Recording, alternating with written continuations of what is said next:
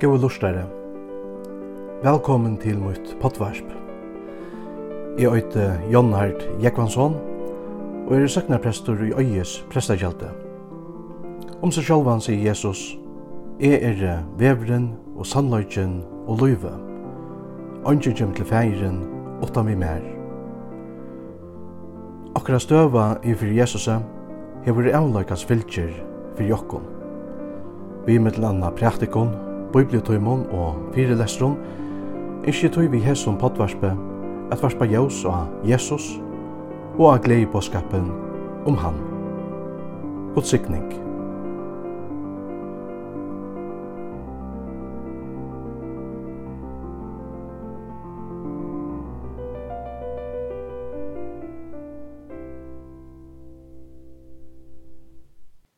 Men det hendte mian tar vauro affær, at Jesus kom inn i henne bygd. Her var en kvinna, og nevntest Marsta, som beg hon innkja seg. Hon åtti en sister som eit Maria. Hon settes nye vid føttene av Jesus og lytte av talen hans herra. Men Marsta hei streve vid nekvære stakkan, og hon kom til og seie, Herre, legger du ikke ui at siste min lette meg være ansamatla om mettjerna? Si til vi henne at hon skal tekka hundna ui vi mer. Men Herren sværeie og sier vi henne, Marsta, Marsta, du gjerst er ånøyer og strøy av mongon, men åkte neiot. Maria hever valgt en gaua loten, som ikkje skal være tidsen fra henne. Lukas er evangelia, kapittel 2, vers 38 til og vi 42. Øyt er neiot, sier Jesus vi Marsto. Øyt er neiot, sier Jesus øyne vi til og med. Og, og hva er det så? Jo, til er å gjøre det samme som Maria gjør det. Hun settes vi føttene av Jesus og lytte av tale han sier det. Hette det som er neiot tjokkon ötlun. Marsta hei stræmve vi nekvare stakkan hei torst. Og i seg sjálvun er det altså ikke nekka gænle vi hesson at stakkast. Vi tar var og vi var öll glede av stakkan, til dømes da onkur gjer okkurst vi køkkenon, okkurst lekkurst til matna. Og hetta var i atlanin tja Marsto. Og struttust vi merkjerna, til at hun atleie at gjerra Jesus i okkurst lekkurst at, at. Men hon var og sinte sur inna systersøyna Mario, til at hon ikkje hjelte til vi merkjerna. Hon gjør det jo ikkje til nytto. Hon sett bare her, vi Jesu føtter, og lusta i etter honom. Men mitt i ætlun strøy noen tja marsto, kjemur Jesus vi einare hjertaligare og aminning til hana. Marsta, Marsta, du gjerst er og strøy av mongon, sier Jesus. Enda hjertalige aminningen gjør òsne til okkon og i det. Jonnard, Jonnard, du gjerst er og strøy av mongon, kunne det også være sagt. Og i dag er det også rydgelig av imskon aktiviteten som vi kunne bruka tøyene på. En ørgrunna er av aktiviteten. Nekka som jeg kjenner okkara og er til dømes etta at flest av okkon genga vi øynare færtelefon som kan og synder av kvarjon og som lattelig kan færa vi nok så nekverdi tøy og orsko. Kvarja fær telefonen sier blink så tek man annan fram. Og frieren vi herrans føtter og kvirro, bøn og bøyblilesneie kan lattliga vera årekvaver av hesson, av hesson plinkenon, plink etter plink. Ein en kanning sier enda at han vanlige iPhone-brukaren nemmer vi telefonene til seg 2616 ferir om dagen. Hetta og nekva anna er vi til at årekva okkon og tan frien som vi dødlava tørva. Og i løfsens streve og stakkan vil Jesus løy okkon til ta stegi, her vi verlig kunne finna kvult og andalige føye, beid til hekta løyve og hitt komande. Etta stegi finna vid øynans vi Jesu føtter.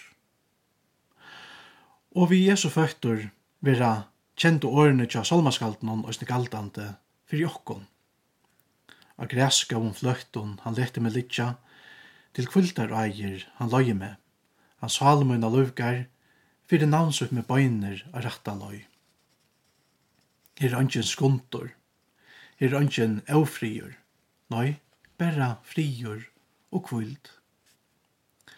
Og det er berra Jesus som bæg kan og vil løy okkon inn i hesa kvilo tog er det at han sier vi til og med, fylg mer. Utover færtelefon, iPad og sjånvarsp, kom vi til dømes òsne bruka tøyina til at dukka og idrott, spela tøynløyk. Ja, vi kunne bruka tøyina og passa olja negv, imust og, og òsne gau ting. Men, ocht er neiot. Vi har sier det så løys, understryker Jesus bæði fyrir marstu og fyrir okkon, at det er okt som øyre at det var fyrsta plass og jokkara løyve. Og det er altså ikkje mættur og mætjer og telefon og sjånvarsp og så vujere. Nei, det som er neiot for jokkon öll, og som er avgjerande for jokkon öll, er Guds år, at lusta etter Guds åre, at kvila vi herrans føktor, og loja av hansara år, lykka som Maria gjør det. Gjerande stier kunne vi sjålande være opptidgen av ötlån møvlion. Men mitt i allar okkara stoakkan vil Jesus minna okkur nå at okt er neiot. Okt er neiot kvönda i okkara løyve, nemlig a sita vi Jesu føttor og loja av hansara talo og den aller beste dævren til at gjøre hekta er sjående kviledævren. Lykka som god kvilti hinn kjenta dægen etter skapanna, så er hever han òsne gjørst kvilo til en så tøyande parst av okkara lufsrytmo at han hever enta tidsi hekta vi ut ei tutsi bøyene. Minst til at halda kviledægen høyleian, sier god. Om kviledægen, sier Jesus òsne, kviledævren vær til fyrir menneskene skuld, og ikkje menneskene fyrir kviledagsens skuld. Begge likamliga og andalia har eit som menneske bruk fyrir kvilt og andaligare avfittling. Hette er så tuttninga mykje fyrir jokkon, at godt enda hefur givi jokkon på om at gjere etta, minst til at halda kviledegin høyleian. Hette er eit døylet på av hoa, Og i sønnen kærløyga vil god ha okkon til at kvila og soka det gaua løyve til okkon. Løyve som han har skapt okkon til. Og i hesson gaua løyvnon og i gods nærvero er det så start okt som skal det hava fyrsta plås, nemlig god og hans herra år. Etter som Jesus sier øynastane, søkje fyrst, gods rydtje og rettvis i hans herra, så skal alt dette være tikkun givet omframt. Det er altså atvendande i jøknun alla biblina, at Gud skal hava fyrsta plås i okra løyve. Etta sutja vi døysni ut om dødju bóunum, til dømes fyrsta bó, du måst ikkje hava ærar godar. Vi øren øron skal ønske eller ønske sleppa at iveteka Guds plås i okra løyve. Hetta er sin det som Jesus understryker fyrir jokkon, da han sier at det er okt som er neiot. Han sier ikkje at det er tvei, tutsjo eller tjo ting som er neiot. Nei, han understryker at okt er neiot, nemlig at sita vi herrans føtter. Det er og ymske maktar at gjere hekto på. Man kan sita vi herrans føtter vi affæra vi kyrkjo, sundagen, affæra til altars, av møte, eller vi at hava henne and, daglige og andagsløytene her heima, vi bøyblilesna i bøn, tøkk og kvirro, eller vi gjør noen stittlån bønarture nian av okkurs fjall, eller rundt om okkurs vatn. Hetta er neiot. Til dette er jo hinn gau lodren og i seg at vera saman vi Jesus. Kyrkjeferien Augustin sier det nekka såleis. Tu hefur skapt okkon til dun sjálfs, okkar er gjørst hava ongan fri til det finna fri og i tær. Henta frien, som vi var skapt til, får vi til Jesu nærvero, sama vi honom.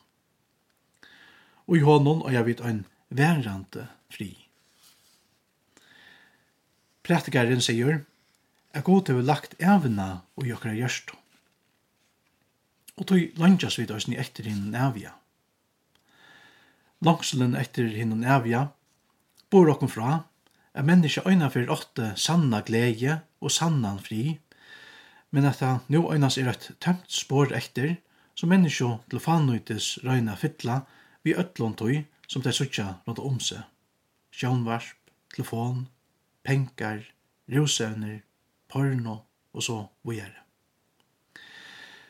Men ikke av hesson er nøktande til at hitt og endalige døype kan øynas fyllast vi nøkron som er og endaligt, nemlig av vi gode sjølvån. Etta samsvarar òsne vi til som kyrkjefeiren Augustin sier. Du har skapt okkon til dun sjøls, og okkara gjørst du hava ongan fri til det finna fri og i tær. Og i prættukene The Christian Pilgrim understryker amerikanske prættikumauren Jonathan Edwards – at det tess vegna sømme seg fyrir okkon a bruka hetta løyve som en affær til himmels. Det finst ikke beektor a bruka sånne tøye på. En affærast av vennom, så fører det til hinna evig og selna og i gods nærvero. Her öll okkar innskje vera oppfyllt, og ikke vant er fri a missa gleina. Etter sin det som vi sipa til og i Salme 95, 12. At helja vara deir to okkon lære. Det var sida, at bruka okra avmålt og dier herra folk rett. Og det gjør vi nemlig vi herrans føtter. Ta vi lesa at Maria sett vi Jesu føtter, så mest grunnene at hon var en kvinnligur lærersvøyner. En kvinnligur lærersvøyner til Jesu. Det rette plasset tja en lærersvøyner var jo i føttene tja morsteren. Lukka som hinner lærersveinene, var Maria nå østene en lærersveiner. Og sett vi i morsterens føtter og lytte av hans herre lærer. Ja, og i løyve og lærer fyllte jo østene i, i, i Jesu føttasporen. Etter var jo til som det innebærer at være en lærersveiner ta av døven. At luste etter morsteren og at livet sambarst hans herre løyve og lærer. Hetta er, som avur nevnt, Jesu læresveina ok, òsne til okkom. A liva som Jesus gjørte, at åtakka seg hansara luststøyl, a genka i hansara fatasporlum. Hetta er det som er neiot.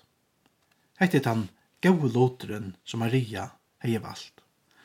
Og hetta er den gau loteren som Jesus boar ter og mer. Lykka som Jesus kallar i læresveinarnar og sier, fylgje mer, så sier han òsne det samme vi okkon i det. Fylgje mer.